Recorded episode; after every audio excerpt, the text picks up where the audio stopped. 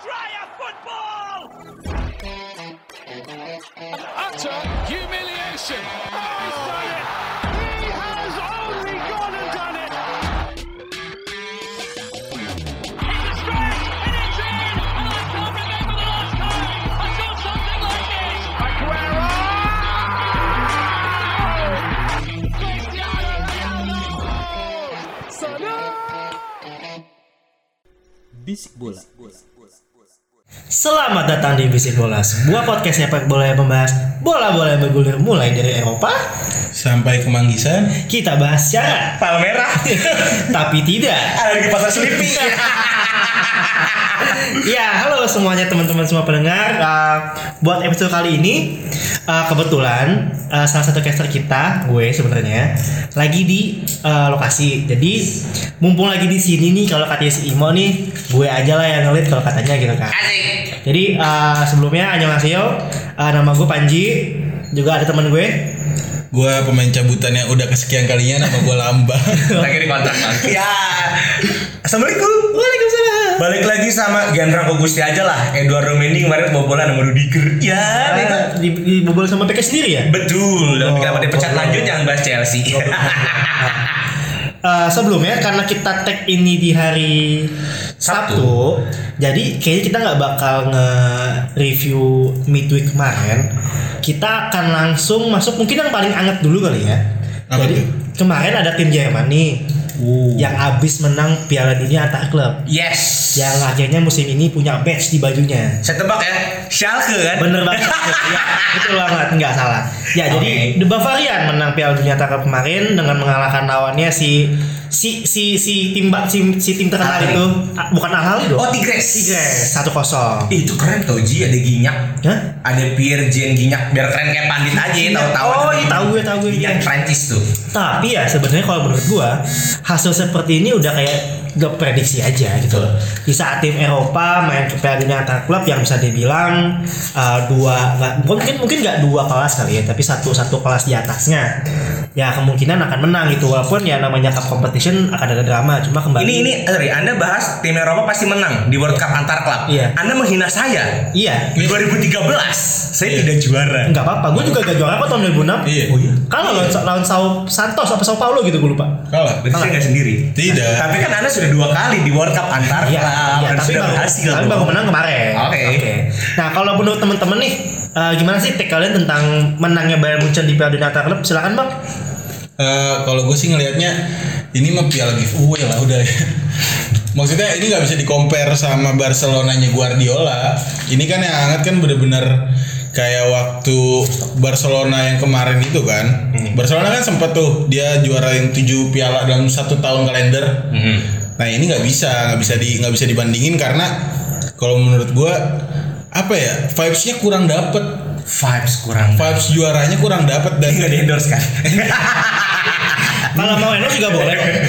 dan kalau gue pikir-pikir sih ya ya bener kata Panji tadi ini udah udah piala udah pasti bakal ke Munchen. Tapi kalau mau di compare sama eranya Barca itu jauh banget ya. Barca tetap tetap lebih layak kalau Munchen ini ya giveaway lah. Udah lebih ke giveaway. Kalau dari gue sih gitu aja kalau soal si Bayern Munchen ini Lu orang nggak terima banget juara lo ya. jujur enggak jujur Kalau bicara tentang Piala Dunia antar klub kan emang sejarah kan dulu kan namanya Toyota Cup.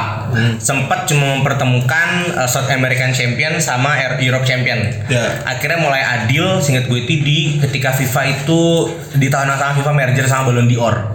Yang kira pecah lagi kan. Mulai dipanggil juara Asia, juara Afrika dan sebagainya sebagai pelengkap. sebagai pelengkap. Tapi in the end memang rata-rata finalnya pasti South America sama Eropa. Iya. Nah, sebenarnya kalau bicara giveaway, Chelsea pernah nggak juara. Liverpool pernah gagal. Itu kan fakta bahwa memang eh, ini sebenarnya ada- adalah adu gengsi dari dua benua yang terkenal sebagai penghasil pemain sepak bola yang banyak kan. Nah, kalau bicara Munchen melawan siapa sih kemarin? Final Tigres. Tigres. Tigres ini kan emang ya Chelsea kalah habis ya men Palmeiras, gue Palmeiras. Eh, apa balik lagi bahwa Tigres ini kan datang dari benua Amerika Utara kan, yang tradisi menurut gua tradisi sepak bola cuma ada di satu kota, eh cuma dari satu negara Meksiko aja, ya kan. Sedangkan orang pasti inginnya final itu South Amerika sama Eropa.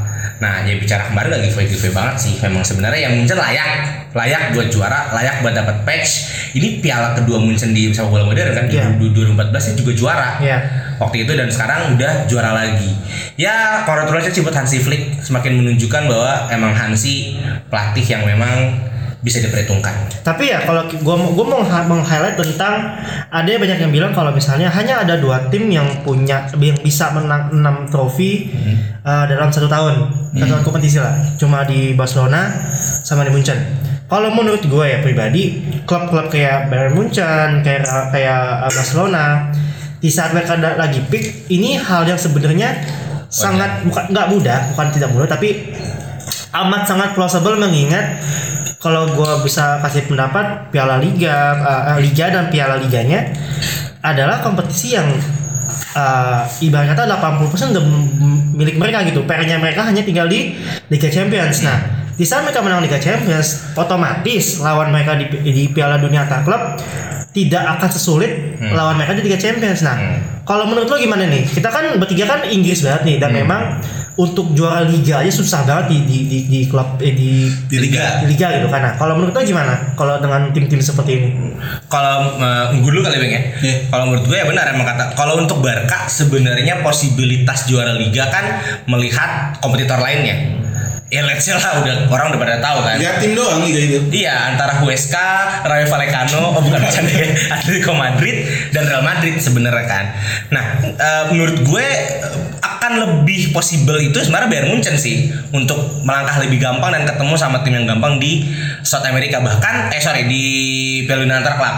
Nah bicara untuk kalau bicara lo tadi membandingkan nih dua tim yang menang apa sebutannya 6 Six to ball. Six to Six to plates dalam satu kalender yang menurut gua lebih valuable Barca sih.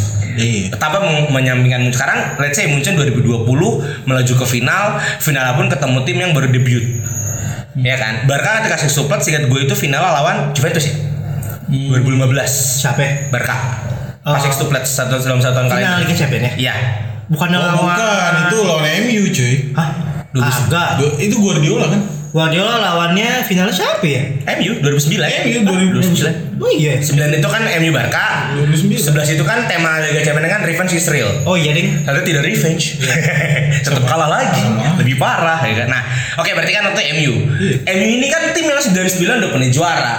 Punya do, tahun itu lagi pick-pick ini ah, di depan Liverpool ada salty ya. Karena kan 2009 ada siapa gitu kan. Eh, tentang pick-picknya. Jadi dengan dia berhasil menang di Champions League itu udah satu pencapaian. Tapi membandingkan Munchen ya melangkah sangat mudah menurut gue ya. Karena ini kan dendam-dendam 2013 ya dibantai sama Munchen kan.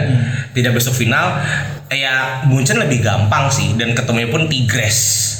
Ya buat gue giveaway giveaway banget. Tapi Flick membuktikan bahwa dia tetap pelatih yang mumpuni lah untuk mendapatkan trofi-trofi ini Harusnya dia nggak sih yang kemarin menang FIFA FIFA Coach of the Year? Oh enggak, enggak. Ya.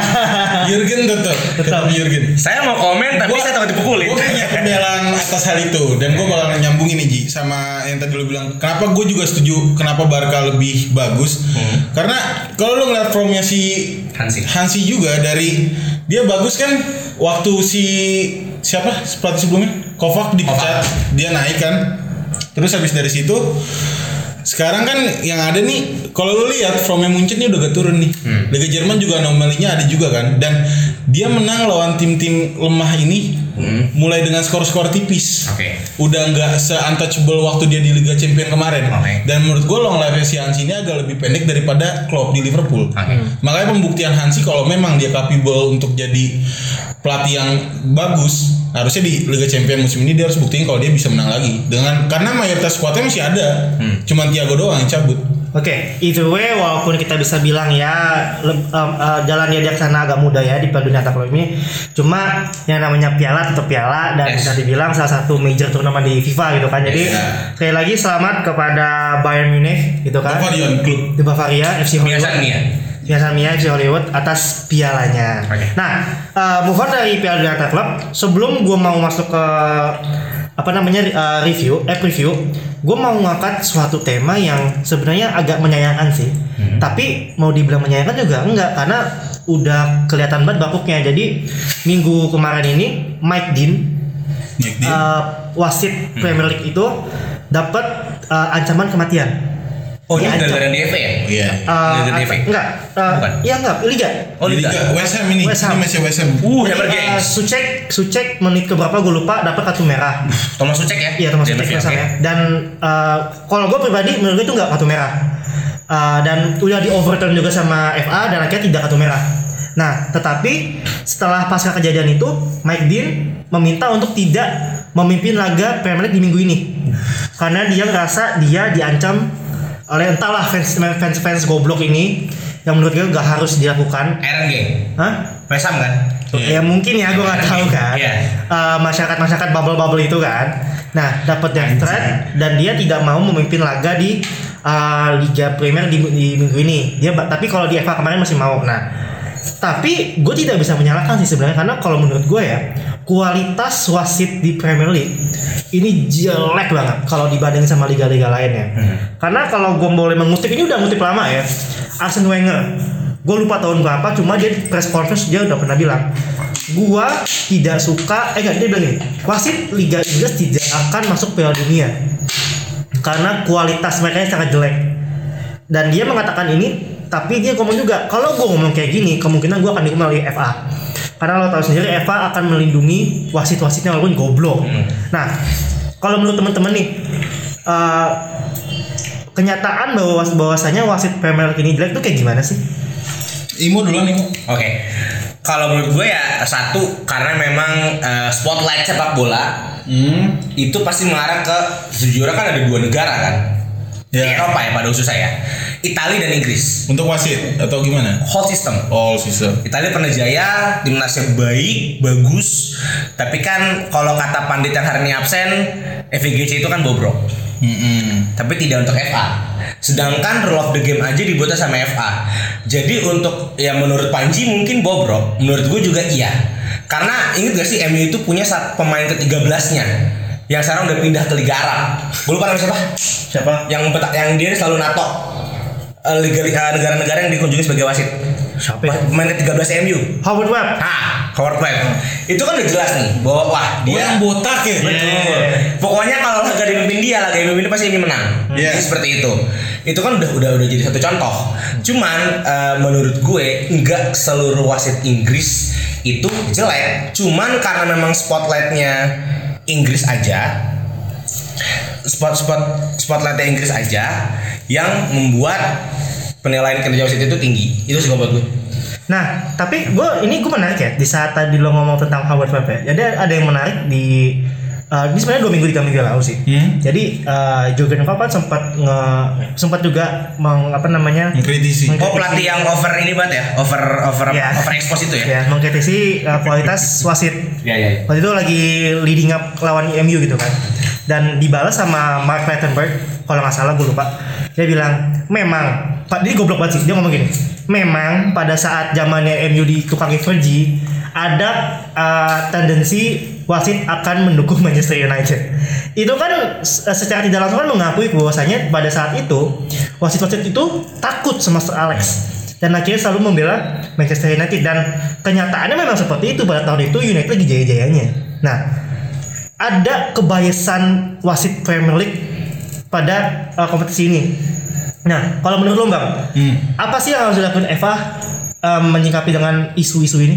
Kalau gue sih ngelihatnya eh, FA juga kurang kurang bisa ngasih kontribusi yang lebih dalam hal ini karena ini tuh kejadian bukan soal si Mike Dean doang. Kalau gue udah sempat ngerekap soal wasit ini dari musim lalu. Dari FA aja peraturan wasit yang diberi peraturan antara di, dia mimpin liga sama dia mimpin di champion itu beda rulesnya. VAR itu digunain dengan beda. Makanya banyak banget gol-gol yang dianulir di champion, Piala Champion tapi di liga nggak dianulir. Terus kejadian kemarin juga Arsenal sempat dirugikan juga. David Luiz itu touchnya kecil banget tapi langsung keluar. Bet narik juga akhirnya dicabut kartu merahnya. Terus sekarang kejadian Mike Dean. Nah kalau Jangan lupa loh Karen Gibbs sama Oh yang eh, salah kartu. Salah salah muka. Akhirnya kasih kartu. Sama Oxlade ya? Ya Oxlade. Sama Oxlade. Nah, itu lucu sih. Ini kan udah emang kelihatan kalau misalnya dari dulu juga wasit Inggris tuh nggak pernah mimpin laga besar gitu loh. Beda sama Italia, beda sama Spanyol. Iya. Karena kalau misalnya mau dibilang wasit mihak di Italia pun rasismenya tuh gede banget. Ba- Barbar juga fansnya gitu. Ultrasnya tuh parah-parah juga. Tapi wasit bisa dengan bijak bahkan wasit yang melegenda di dunia sepak bola dari Italia, Gianni Infantino. ya kan? Eh, Apa? Infantino. Colina. Colina. ketua FIFA. Iya iya iya. si Colina itu kan yang Colina. ya kan Ya. melegenda jadi tuh wasit-wasit itu punya role model sedangkan si FA ini tuh kayak dia cuma ngeluarin rulesnya doang tapi dia nggak punya suatu role model atau gue harus mencontoh wasit ke mana nih Oke. gitu loh kalau gue gitu sih Ji. Gini ya, kita harus uh, juga sadar bahwasanya sekarang kan ada VAR ya. Nah. Pertanyaan gue kenapa nggak wasit VAR-nya ngasih tahu ke wasit lapangannya kalau itu kan nggak foul. Harusnya wasit di belakang VAR itu yang yang lihat ada video ada video reviewnya dan dia bisa lihat kenapa wasit da- di gue nggak tahu ya apakah dia ngasih uh, masukan bahwa tidak kartu merah dan tidak digubris sama Magdin karena dia terlalu arogan. Tapi uh, kenapa kinerja VAR ini enggak dimaksimalkan dimakan gitu di Premier League. Seinget gue FA ini memang eh, punya peraturan tersendiri untuk VR. Itu satu kan. Eh, mungkin mungkin Magdin ini mengandalkan itu dia masih mengandalkan ketajamannya. Mungkin Magdin adalah eh, golongan-golongan Ahmad yang tidak setuju dengan VR karena nanti bola tidak bundar. Mungkin kita nggak Oh. tahu, iya kan. Tapi kalau gue merespon apa yang tadi Beben katakan bahwa Italia tempat terbaik, jangan lupa 2006 Calciopoli. Ah. itu full antara eh, mumpung nggak ada orang ya antara Mogi dengan federasi wasit.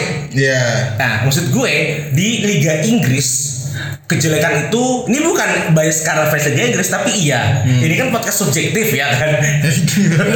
Gak apa, gak apa-apa. Berpendapat. Tidak Udah ada secara salahnya. subjektif ya. Betul. Karena di Itali dia bisa terstruktur secara organisasi wasitnya kejahatannya. Kejahatan loh. Ini kan kualitas. Nah apa yang mungkin Eva bisa lakukan? Ini ide gila aja tapi PSSI pernah lakukan. Impor wasit pak. Ah, kalau menurut gue ya, Inggris terlalu arogan. arogan dan terlalu bangga dengan negaranya. baik. Tapi mungkin ini bisa jadi sol minimal yang dekat aja dari Perancis beberapa wasit dari Perancis untuk laga-laga krusial aja itu sih kalau menurut gue ya impor wasit. Dan wasit Inggris taruh ke Perancis. Nah mimpin sana Brest lawan Nice Iya, Kalau kalau gue sih nggak, gue sebenarnya sejujurnya gue nggak ngerti lagi harus komentarin apa ke Eva ya, karena Eva soal kayak gini-gini tuh udah baik banget mereka yang miss. Cuman ya memang sedikit info aja perbedaannya yang paling mendasar itu kan tadi kan Panji bilang kenapa nggak dikasih tahu sama wasit yang melihat di VAR nih? Ke wasit yang ada di lapangan. Perbedaannya adalah kalau di Inggris kayak gitu Ji. Jadi memang wasit yang ada di VAR itu dia ngasih tahu ke wasit yang ada di lapangan. Kalau di Champion wasit di lapangan itu bisa ngelihat ke monitor. Ya. Jadi after dia dikasih tahu sama wasit yang megang VAR, dia bisa nge-review langsung. Dan di Liga Inggris ini juga udah kemarin ada layar, udah dikasih monitor, tapi anjing nggak pernah dicek. Nah itu dia. Nah, kalau eh, itu kan karena peraturan CFA tadi kan. Dari situ juga dari situ bahwa uh, VAR itu adalah opsi terakhir kalau ada keraguan di wasit. Nah. baru lihat monitor. Memang implementasi VAR terbaik itu kayak Piala Dunia 2018 pertama kali kan itu dikenalkan dan itulah implementasi terbaik kan. Tapi resikonya adalah match molor. Lu Iya. ambil waktu satu dua menit dong buat review nonton bokep, nonton bokep, nonton nonton monitor ya kan. Agak serem ya untuk di lapangan ya. nonton monitor lihat gitu kan nah mungkin FA berpikir untuk efektivitas matchnya ya walaupun merugikan tapi kan anda anda ini juga pernah diuntungkan dengan fair kan Oh, atau bahkan dirugikan Ah gini, gini. Enggak, kalau kita ngomong dirugikan apa enggaknya ya sebenarnya Overton VAR yang paling banyak merugikan adalah Liverpool musim ini. Ini gue bukan ada bias ya. tapi emang iya Karena nyata faktanya seperti itu. Iya, iya, iya. Yang paling diuntungkan gue lupa siapa. Tapi kalau menurut gue pribadi ya, VAR itu bukan mas- masalahnya bukan di VAR, tapi orangnya yang menggunakan VAR itu. Nah, nah, tapi either way menurut gue, menurut kita ya palingnya kalau gue bisa simpulkan adalah ada uh, masih banyak PR-nya FA bagaimana mereka me, me- apa ya bisa dibilang ya menyingkapi dan membenahi kualitas uh, wasit di Piala eh, Piala Inggris di Premier League. di Premier League seperti itu. Oke, sebelum kita lanjut nih, gue mau mengingatkan buat teman-teman pendengar, kalau misalnya kalian ingin nyari rumah, nyari mobil atau mencari aset-aset gitu, coba kalian dengerin musik basket deh. Nah, di situ kita bisa juga denger, apa ya ada info-info bola basket dan yang giveaway sangat berguna ada ada Dozipi dan Dimsu di sana ya nggak Dan Bani. dan Bani juga benar jadi Karena ada Abel. Ayo. Kalau emang teman-teman mau nyari aset, mau nyari rumah, nah coba co- dicek di Bisik Basket ya. Atau juga kalau misalnya mau nyari info-info tentang karate, taekwondo, coba lihat di podcast with benefit. Yes, itu hostnya karate banget. Yo, karate banget. Tangguh. orangnya. Tangguh. Itu tough woman. Heeh. Parah. Ya, makanya- Ada Nedila sama E Egius. Kan namanya itu Egius. Agus. Egius. Nah, tapi itu tahunnya Juli tuh. Dan jangan lupa juga follow sosial media kita juga di Basic Media ID. Dan Basic Sports. Dan Basic Sports tentunya. Dan www.id. Tempoyak. Banyak ya. Banyak banyak info-info mengenai uh, lowongan kerja. Betul. Kalau misalnya emang tertarik dengan ini butuh kerja nih Gun ya. Nah, buka aja sosial Atau media. self development. Iya, benar. Career development banyak banget di situ ya. Langsung dicek aja ke platform-platform sosial media kita. Oke, nah kita lanjut dulu nih ke uh, apa namanya ke pembahasan selanjutnya. Preview. Preview. Oke. Apa ya? Bahas karate gitu. Oke, mungkin kalau preview yang dekat ini sebenarnya liris di minggu itu seingat gua ada big match City lawan City Spurs. Tottenham. Nah, City Tottenham. Tapi gini ya teman-teman ya kemungkinan di saat podcast ini keluar uh, hasil pertandingannya udah keluar karena mainnya tadi setengah satu Oke. setengah satu pagi. Nah tapi kalau misalnya emang teman-teman mau tahu uh, Analisis kita. analisa analisa sotoy kita dengerin aja lagi nih ya. Nah singkat aja. Ini kita kita lagi match juga kita lagi rekaman ada match perebutan juara 3 dan 4. Iya, Liverpool uh, dan Leicester. Liverpool dan Leicester. Tapi gak penting lah ya. Dekat bawah-bawah enggak usah Gak dibahas. usah lah capek ngomong Liverpool. Kalau City dan Tottenham menurut gua kan eh, ini mungkin sudah beberapa eh, kali keberapa Mourinho bertemu dengan Pep lagi. Ya kan dengan tim yang memainkan tiki taka paksa dengan all out defensif yang monoton. Nah, melihat Tottenham ada kekecewaan di diri gua karena gue berharap gue selalu pengen ada juara baru, ada juara udah dan juara baru. Lalu berharap Tottenham juara. Wajib dong. Mimpi. Iya, karena kasihan Pak, rak tropinya kosong, ya kan? Ada Audi Cup. nah, melihat nanti Tottenham lawan City, City itu lagi di top of the form. Ah. Setelah membantai juara bertahan 4-1. Ah. Kawal terus 4-1 ya. Kawal Kawal 4-1. terus 4-1. Nah, ketika nanti melawan Tottenham yang kemungkinan mainnya banyak full defensif. Hmm. Apalagi juga gue sangat amazed loh dengan Sergio Reguilon ini nih. Nah, kemungkinan terbesarnya adalah bahwa City harus bisa menahan atau setidaknya membuat Sergio Reguilon untuk overlap ke depan. Itu peluang karena kan sedikit gue tuh di kiri nanti ketemunya antara Bernardo Silva, Mahrez atau Sterling kan. Gue sangat mengharapkan ada dua lari antara Sterling sama Sergio Reguilon itu bakal keren banget. Tapi City sendiri kan juga punya permasalahan di lini strikernya nih, lini depannya. Aguero udah menua dan mungkin cedera dan Gabriel Jesus tidak perform perform. Bahkan kemarin mereka di empat lawan Liverpool aja kan yang 4-1 harus pakai Sterling sebagai CF-nya. Nah ini harus dibenahi sama City. Entah siapa pun penggantinya bisa siapa tahu Gundogan jadi penyerang atau siapa. City harus secepatnya punya striker baru. Tapi kalau untuk hasil di atas kertas sudah pasti milik City. Juara bertahan bisa dibantai 4-1. Gimana ini? Tim yang sempat di pucuk terus turun lagi. Itu kalau dari- kalau dari gue sih ngeliat Tottenham musim ini ya uh, beberapa match terakhir aja dia tuh udah kalah sama Liverpool kalah 3-1 sama Brighton kalah 1-0 sama Chelsea kalah 1-0 dia kemarin terakhir menang lawan West Brom 2-0 Wow, dan ternyata dia kalah sama Everton 5-4 jadi gue sih mengkritisinya gini eh, berarti emang tim ini secara budaya memang bukan tim yang memiliki mental juara. Lu udah sempat ada di pu- di pucuk sama seorang Jose Mourinho yang kita tahu dia itu punya prinsip gue gak perlu menang lawan tim gede yang penting gue bisa collectible poin dari tim-tim kecil dan itu nggak dari situ? dia nggak worse juga dengan dengan si Mourinho ini ini udah musim kedua ya Mourinho ya? musim kedua di Tottenham. musim kedua di Tottenham dan musim ini dia datengin pemain lumayan banyak loh Gareth Bale, Sergio Reguilon, Hoiberg, ya kan? Ada tiga pemain yang sebenarnya itu bisa jadi pemain kunci, tapi tetap aja Spurs ini ya si Kane tanpa seorang Kane dan Hummingson dengan permainan dia yang langsung direct ke Son dan Kane, Ya, ya itu kalau tanpa dua pemain itu dan polanya nggak jalan, patternnya nggak jalan itu nothing. Kalau iya kalau dilihat di depan kan Son sama Kane doang. Berguin ini cuma lari-lari doang di kanan, nggak tahu dia mau ngapain. Ditambah Reguilon di kiri yang kadang bisa nge-support si Son di situ doang pola permainannya. Jadi Ya, ya, ya. kalau dibanding sama si City jauh lah. Oke. Musim ini musim City. Uh, statement. Nah, kalau MU lah. kalau menurut gue ya, gue singkat sih kali. Kalau gue singkat ya, uh, menurut gue di saat ini ya, City lagi dapat anginnya. Mhm. Akan sangat sulit Spurs menahan gempuran dari Manchester City. Dan gue langsung to the point aja sih, resultnya gue yakin pasti City masih menang sih. Besar. Um, enggak sih tipis sih. Di atas dua? Iya, probably ya. Kalau gue sih gitu sih. Gue nggak terlalu panjang sih. Di atas tiga? Enggak. Enggak. Oh berarti yang berarti tidak separah 41 ya? Tidak. Nah, kawal terus, kawal terus 41. Ya gue juga ber, prediksi 2-0 sih. 2-0 dan ya kalau bisa ya jangan pasang uang Anda di Tottenham Hotspur. Oke, ya cukup kita dari Inggris ya kita pindah ke Italia mungkin ya. Dan kemarin sempat ada kita bahas singkat aja kali ya. Mhm. Kemarin sempat ada derby di Italia yang di mana sebenarnya seri sih. Cuma yang lolos yang timnya si Smith nih. Hal biasa. Biasa aja. Biasa aja. Biasa Iya, aja. Biasa aja sebenarnya. Ada nggak beda sebenarnya bahwa tahun ini ekspektasi Conte itu tinggi tinggi sekali Conte itu tahun ini karena kan dia mendatangkan beberapa eh, banyak main-main besar untuk menginggriskan Inter Milan janjinya Lukaku apa tuh Lautaro Martinez sebagai aset terbaik Brozovic lagi naik Barella lagi naik tapi Eriksen tidak Mhm. Ini yang kemarin sebenarnya disorot Eriksen kemarin satu line up kan Iya. nah nggak perform gitu loh Eriksen ini dan bahkan ada isu mau di trade Iya. lupa sama siapa salah satu pemain di Liga Inggris dia mau kembali ke Liga Inggris Todd lupa Ferry. Hmm? Todd Ferry. Eh, bukan kalau nggak salah uh, Natena Kalobah lupa saya nah intinya di pertandingan kemarin eh, kalau mengutip ngobrol sama satu dari diskusi Pirlo berhasil menunjukkan skema yang sudah cocok untuk, untuk dirinya. Apalagi Demiral dan Delich itu pada direbutkan. Ada clearance banyak dari mereka. Dan uh, Setman Smith yang dititipkan hari ini karena dia tidak bisa hadir. Kemprut kan ya? Iya betul. Bahwa Juventus sudah mempunyai backline yang aman tanpa Cielini yang menua dan Bonucci yang pernah telanjang di locker room Milan. Juventus akan baik-baik saja. Gede gak sih? Uh, parah pak. Italiano Dico. Eh, Rocco Siffredi kan gede. Lanjut kok jadi bokep. Matok?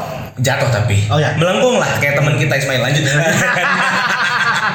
nah intinya untuk pertandingan kemarin yang menjadi uh, spotlight terbesarnya adalah bagaimana peran Merih Demiral dan Delich bisa menjaga backline Juventus itu sih. Karena ada lebih dari double digit clearance yang mereka lakukan. Hmm. itu uh, uh, uh, highlight dari pertandingan kemarin Em, Juve ya, sama Inter ya? Iya. Bah sih sih. Gak usah lah ya.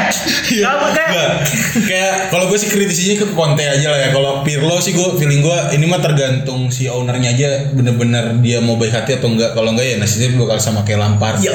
Sun gitu ya kan. Sooner or terus. later gitu kan bakal kayak Lampard. Cuman kalau gue lebih highlight kayak si Conte karena dia udah nggak punya apa piala apa pun selain piala uh, selain liga yang bisa diperebutkan di sisa musim ini.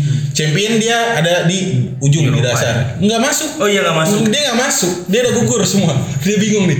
Pemain-pemain tua semua yang datengin. Erikson dijadiin pivot dipaksa nggak works juga. Main 2 MF nggak works juga. Ini membuktikan kalau Conte adalah pelatih miskin taktik yang dia pelatih hebat gua akuin. Dia punya main manajemen yang hebat tapi harus klubnya yang nyocokin sama taktiknya dia. Bukan taktik dia harus menyesuaikan ruang bench. Dan itu adalah pelatih yang buruk menurut gua.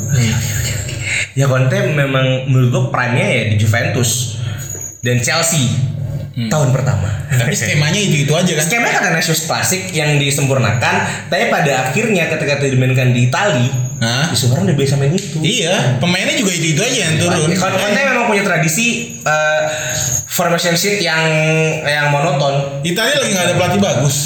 Ah iya betul sih. Oh ada Gasperini Atalanta. Atalanta ya. the only one masih lumayan. Masih lumayan. Dan Iya, Pioli.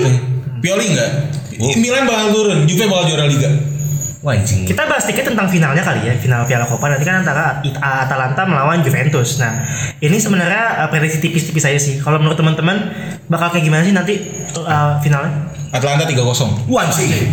Kalau menurut gua atraktif. Ah. Karena Atlanta ini kan tim Itali yang kalau dipromosin Smith ya.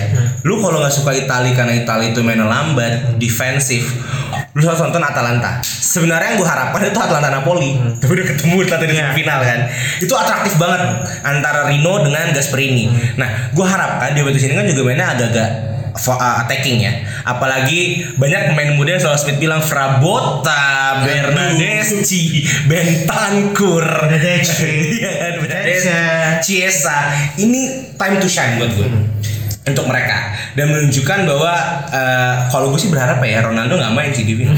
Untuk nunjukin dong bahwa lu bisa bisa naik bukan karena Ronaldo, tapi akan akan terjadi match yang atraktif. Tapi ada kelemahan di Atalanta di mana Papu Gomez eh, sebagai ya dia kan kapten leader legend John Terry dong Eh, sebagai spotlight lah dan pengatur serangan kan udah pindah ke Sevilla.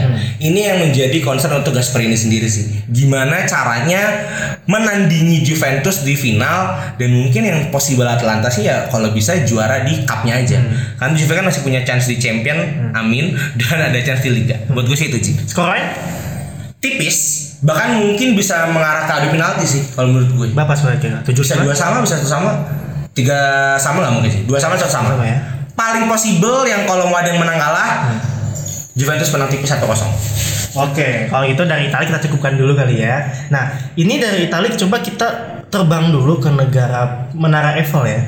Oke. Oh. Ah, di PSG dengan pelatih barunya Mauricio Pochettino yang sebenarnya performanya lagi adem ayem dan tidak maksimal gitu karena di klasemen aja tidak peringkat satu Iya, di peringkat tiga. peringkat tiga gitu kan dan yang satunya adalah dari Lille. Lille. Eh, dengan poinnya sebenarnya nggak terlalu beda jauh sih beda tiga poin nah menurut lo nih klub seperti PSG dengan ekspektasi ya ya udah lalu menang aja di liga gitu loh. Tapi kok bisa tidak? Sebenarnya masih challenging sih cuma performanya masih tidak sesuai ekspektasi lah bisa dibilang seperti itu. Gimana mbak? Ya ini ini bukti kalau misalnya gue ada sempat nge-highlight di episode yang gue lupa. Pokoknya gue bilang Pochettino datang ke PSG utama masalah utamanya itu bukan taktik tapi, adalah gimana caranya dia ngontrol ego pemainnya dia. Banyak kelihatan ada beberapa pemain yang mau bermain untuk tim dan pelatih ada yang mau bermain hanya untuk bermain. Dirinya. untuk Salah satunya Neymar. salah satunya kalau gue lihat sih akhir-akhir ini Kylian Mbappe Neymar. Ini pemain-pemain yang lagi goyang gitu loh. Pemain-pemain just ABG labil, be. apalagi yang mereka lagi pusing dengan masa depan gue gimana nih? Ke depannya gimana nih? Kontrak ya? kontrak. Apalagi kan sekarang kan PSG kalau dilihat dari startnya agak lumayan kurang bagus nih Betul, sepakat, dan sepakat, sepakat, dan Pochettino berusaha untuk ngasih bukti kalau misalnya dia punya control of room nih di di ruang ganti. Nah, kalau menurut gue sih taktiknya udah berjalan. Cuman belum dipraktekkan dengan baik sama si pemain-pemainnya karena ya PSG itu kan tengah ke depan ya lumayan lah ke belakangnya ini yang jadi masalah. Mereka bisa cetak dua gol kebobolan tiga atau kebobolan dua juga.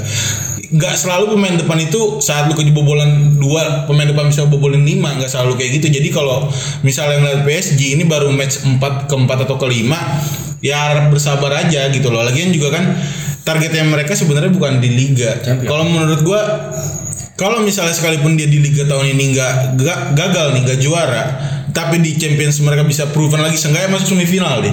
Pochettino akan lumayan aman start untuk musim depan. Tapi kalau misalnya liganya sekarang nggak megang championnya nanti gugur dia bakal lawan Chelsea. Ya. PSG Ah, enggak, eh, gue nanti lawannya uh, Atletico Madrid dulu. PSG itu tunggu siapa? Barca PSG ketemu Dan. Neymar absen. dan Dan Neymar, Neymar absen. Neymar absen jadi kalau misalnya nanti langkah di champion ya gue lebih menyoroti kalau Pochettino ini kalau dia nanti di champion dia gugur ya cepat langsung pulang balik ke Eiffel ya udah kelar lah Pochettino akhir musim cut Oke, kalau menurut gua Pochettino ini kan emang pelatih yang masuk ke sebuah tim yang dia bangun dari awal.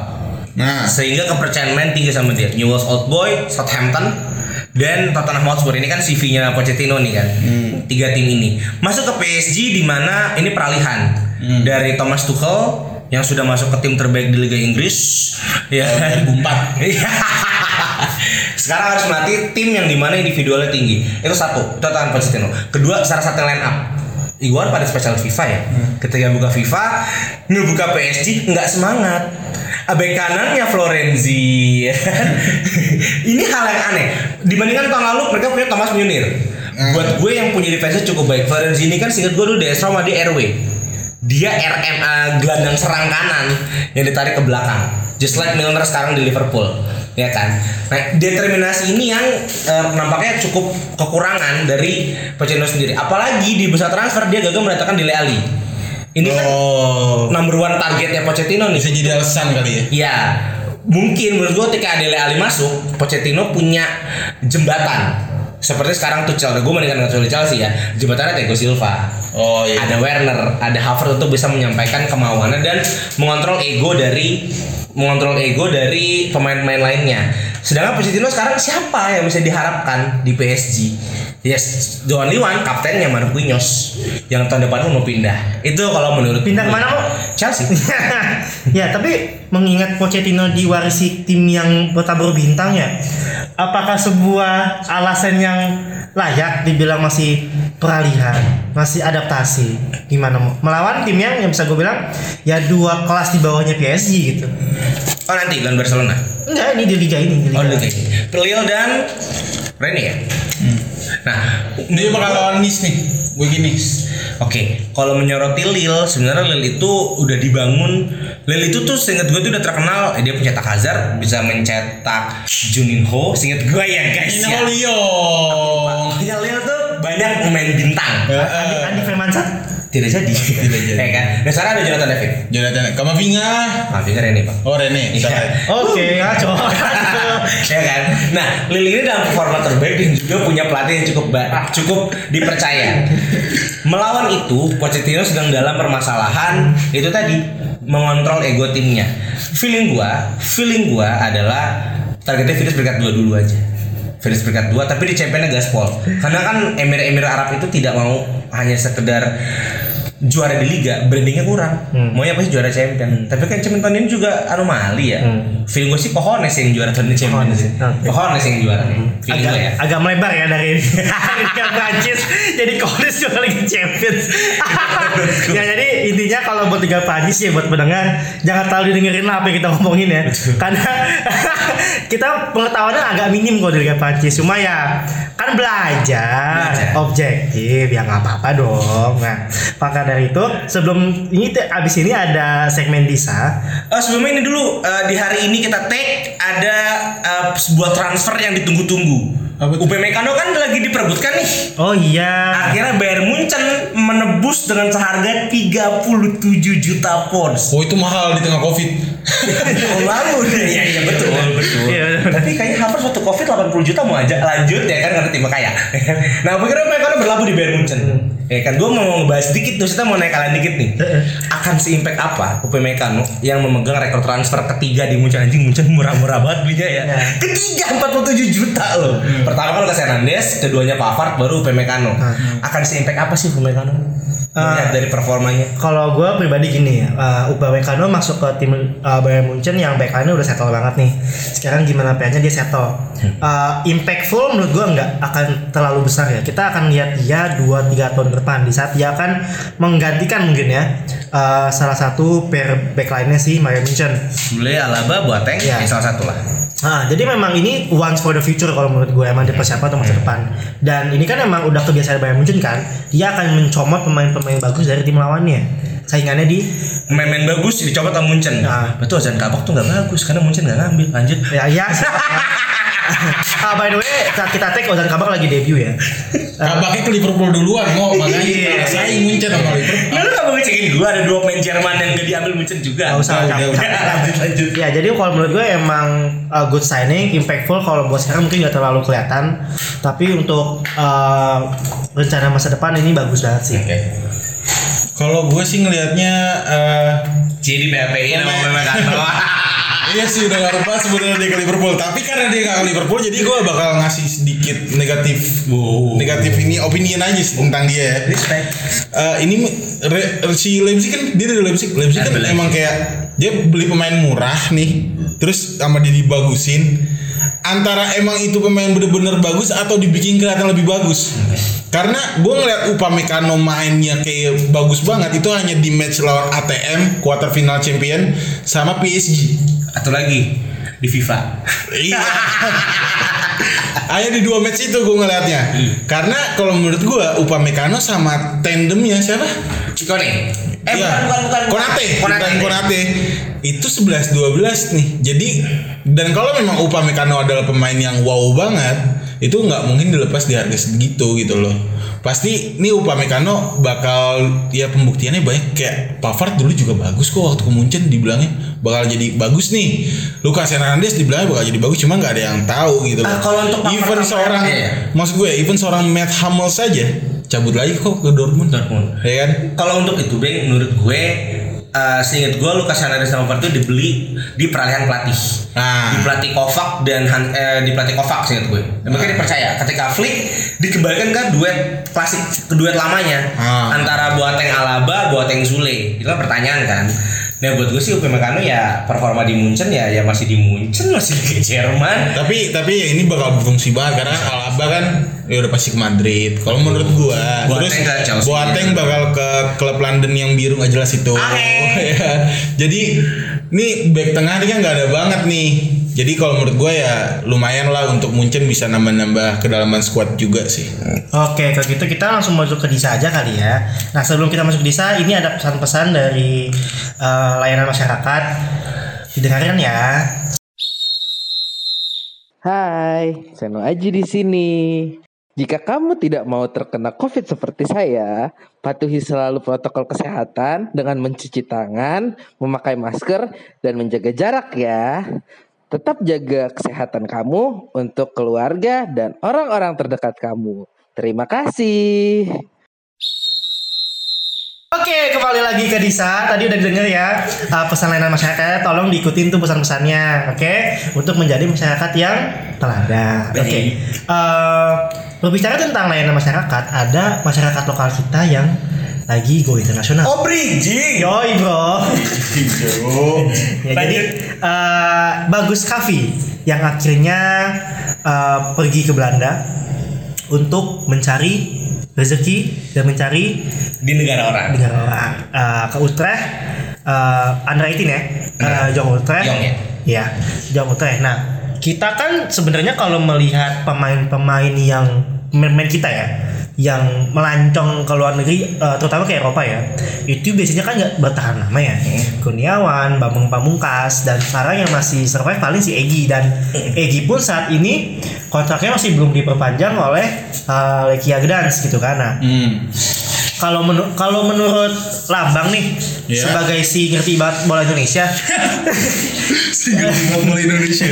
gimana kalau uh, ngeliat uh, pendapat lu gimana sih tentang keberangkatan Bagus Kavi ke FC Utrecht. Keberangkatan bagus Kavi ke FC Utrecht gue agak bingung sih soalnya. Ya jadi kalau menurut gue nih kayak ini bingung gue ngelihatnya gue gue di satu sisi gue bangga ada pemain Indonesia yang bisa main di Liga Eropa tapi di satu sisi lagi gue takut. Karena bagus Kavi menurut gue pemain yang promising buat timnas. Buat jangka panjangnya pemain Indonesia ini dia promising. Tapi kalau melihat trennya kayak Egi Witan. Sulaiman itu banyak pemain-pemain yang di ditunggangi sama sponsor-sponsor agar sekedar naikin hype klub atau sekedar buat kerjasama antara aja antar sponsornya aja gitu loh. Tanpa mementingkan sepak bola itu sendiri nah kalau menurut gue sih bagus ini yang yang harus dia fokusin adalah dia di Eropa nih udah lama loh. Dia coba trial ke klub mana aja nggak tembus. Bahkan di Utrecht pun dia hampir nggak tembus nih. Tapi endingnya dia masuk. Nah kalau menurut gue yang harus digarisbawahi Utrecht ini kan berarti dia main di yang Utrecht main di Liga kedua kan. Saat dia main di Liga kedua di umur 19 tahun dia ini masuk ke U18 ini dipaksakan oleh Utrecht karena setahu gua di Liga Belanda itu setiap setiap tim mudanya itu hanya punya dua atau tiga kuota untuk pemain-pemain yang di atas usia gitu loh. Nah jadi yang harus difokuskan itu adalah si ininya fisiknya jangan jangan clubbing jangan kenal bule Belanda banyakin makan makanan yang emang menyesuaikan sama fit ininya orang sana tuh gimana kulturnya harus disesuaikan jadi nggak kaget gitu. Yang penting jangan makan babi. dan dia harus dan dia tuh harus bisa bersosialisasi agar dia tuh nggak kayak ketinggalan sama teman-temannya jadi karena gue ngeliat si Egi ini makin lama tuh mulai makin ditinggalkan oleh teman-teman Lecia Gedang sih karena kalau lu tahu Udah nggak hype. Nomor 10 yang after Egi pegang itu sekarang udah pindah ke Atlanta. Oh. karena dia emang pemain berbakat gitu loh. Beda sama Egi yang cuman digaung-gaungkan doang tapi nihil. Karena kalau menurut gue dari cara mereka bersosialisasi sama klub sama kultur sama tempat mereka nggak bisa berbaur dengan baik. Jadi gue harap bagus Kavi ini bisa pinter-pinter pilih teman lah. Kalau menurut gue ya paling penting pertama sekarang adalah mentalnya dan fisiknya. Dan tapi yang paling penting tetap adalah bahasa. Eh, lo kalau main ke Belanda mau nggak mau lo harus bisa baca bahasa Belanda at least yang basic-basic karena kan pasti sehari-hari komunikasi pakai bahasa Belanda Ya gitu kan. minimal gue verdome pitung nah gitu lah minimal. apa tuh artinya Eh, eh, goddamn, goddamn, pitung. overdome. Overdome. Overdome, ya. gitu. Jadi memang harus gitu sih. Kalau tapi kalau tetap kalau gue tetap bangga dan ya wish you all the best lah. Oke, kalau dari pandangan gue, gue mungkin melihat beberapa fenomena di beberapa sports ya. Sebenarnya cuma dua sih. Ah. F1 sama bola. Kita pernah punya pembalap F1 digaung-gaungkan, Rio Haryanto, Iya. Manor Racing. Terlalu cepat masuk ke Manor. Orang bilang dia dari F2 segala, tapi terlalu cepat. Rio pun akhirnya cuma setengah musim Ya. bermain di F1 itu pun juga karena sponsor kita kuat. Ada Pertamina, ada BNI dan segala macam lah. Tapi akhirnya ditarik Ditarik Manor. sponsornya. Ditarik kan? Jadi karena jadi driver ketiga. Dia sebagai tes kan, tester Iya, dan cadangan.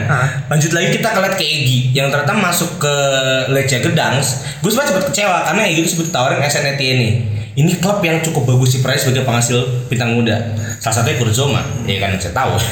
Tapi Egi menolak masuk ke Lecce Gedangs. Ternyata kan karena sponsor dari salah satu public figure lah.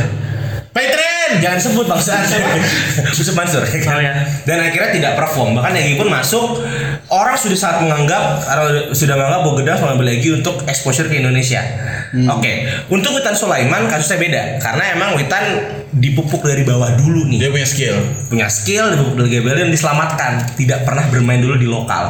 Yang gue takutkan adalah eh, bagus ini kan dari awalnya sudah drama antara klub lama dan klub barunya. Bahkan waktu itu isu dia ke Utrecht kan cuma untuk sebagai revive re- reheal dari cederanya. Dan sekarang main di Liga Belanda. Dan seingat gue bagus ini yang ada di liga yang lebih baik dibandingkan teman-teman yang lainnya. Ada beberapa yang di Ipswich kan? Tapi Ipswich ya Elkan Balgot. nggak akan bagus itu pun juga setengah-setengah kan setengah-setengah Indonesia. Udah jadi pemain timnas. sampai jadi pemain timnas. Nah, ada baiknya adalah bagus beradaptasi sebenarnya. Memang dengan Jadi kunci adaptasi ya. adaptasi juga. Ya kan bagus. Nih dari secara branding ya Kribo men. Ini ikonik. Kedua Iya sih. skillful. Dia bisa di lapangan berimpact dan dia striker kan yang dia mengagumkan. Yang penting bagus pesan dari kakak Gusti Gianfranco Gusti aka Imo adalah jangan karet like distrik. Karena ngewe itu haram bagus. Nanti kamu kopong kamu cedera. Itu kalau saran dari kakak Gusti. Eh, kalau gue sih kalau untuk bagus sudah lah ya. Cuma kalau gue lebih nge-highlightnya si Asnawi. Asnawi Asnawi ini baru ke Korea. Oke. Dia main di Liga kedua. Dia ini kemarin sempat trial yang sama TC keluar negeri sama si Sintayong. STY sama STY. Jadi kalau menurut gua Latvia. Oh, bukan. ini sebenarnya udah pergerakan bawah tanah nih antara Indonesia dan Korea. Kalau menurut gua karena Korea Liga 2 pun bakal disiarkan di Indonesia. Hmm. Karena ada Asnawi doang main di sana gitu loh. Jadi kalau menurut gua ini salah satu pembinaan yang bagus saat misalnya pemain-pemain Korea dioper ke luar negeri berarti banyak spot kosong di sana dan dan kita pun sekarang dihandle sama Sintayong yang punya nama besar di sana lah. Mereka semua respect lah sama Sintayong dan Sintayong tuh bilang kalau Asnawi ini julukannya adalah pemain tukang pukulnya timnas. Dia gelandang-gelandang macam Gattuso lah. Haryono lah ya Nah, Haryono Haryono versi muda nih. Jadi kalau menurut gua dia ini prospek besar lah di tengah PSSI yang sekarang lagi galau, kemelaut nggak ngerti kayak gimana, liga diberhentikan banyak tim yang bubar. ada harapan Seenggaknya ada hembusan angin segar ngelihat bintang-bintang muda Indonesia ini terselamatkan satu demi satu dan gua harap ke depannya makin banyak lah pemain-pemain Indonesia yang bisa bermain di Asia ataupun di Eropa. Ya, hal baik sih Nah, either way kita tetap akan doakan seorang Bagus Kavi untuk sukses di sana lah ya. Amin. Namanya bawa bendera merah putih pasti kita ada rasa kebanggaan sedikit lah. Eh jangan sedikit dong banyak. Gitu kan untuk bisa sukses di luar sana. Baik, untuk saat ini mungkin itu saja dulu ya. Yes. Ya nanti gimana teman-teman mau dengerin gimana terserah. Atau- yang penting jangan lupa kalau teman-teman lagi cari kos-kosan Iya, benar. lagi cari real estate rumah-rumah murah bisa di follow ke PBB atau pbb.id Ya, sama kayak tadi benar. Yes, Ah. dan dengarnya di podcast kita di podcastnya juga untuk rumah-rumah dan estate murah Ya, itu di podcast benefit. Ah. Karena hostnya itu agen rumah paling terkenal di Indonesia. Dila Putri dan salah satu penyewa terkenal di Indonesia Agus Anugrah. Dan, dan kalau misalnya mau nyari info-info tentang uh, sapu terbaik, keset yang memang uh, baik untuk rumah dan Hal-hal kebersihan lah. Ya. kebersihan lah ya. Nah bisa ke Bisi Basket. Betul. Itu memang uh, o- apa, ownernya lagi. Emang casternya emang sangat ahli dalam uh, bisnis-bisnis uh, bersih-bersih rumah gitu. Betul. Dan kalau misalnya emang teman-teman mau nyari info tentang cuci sepatu, cuci baju, bisa dengerin. Laundry kan dia dengerin musik bola tetap. Kita weekly selalu ada. Selalu dengerin oke. Bye bye.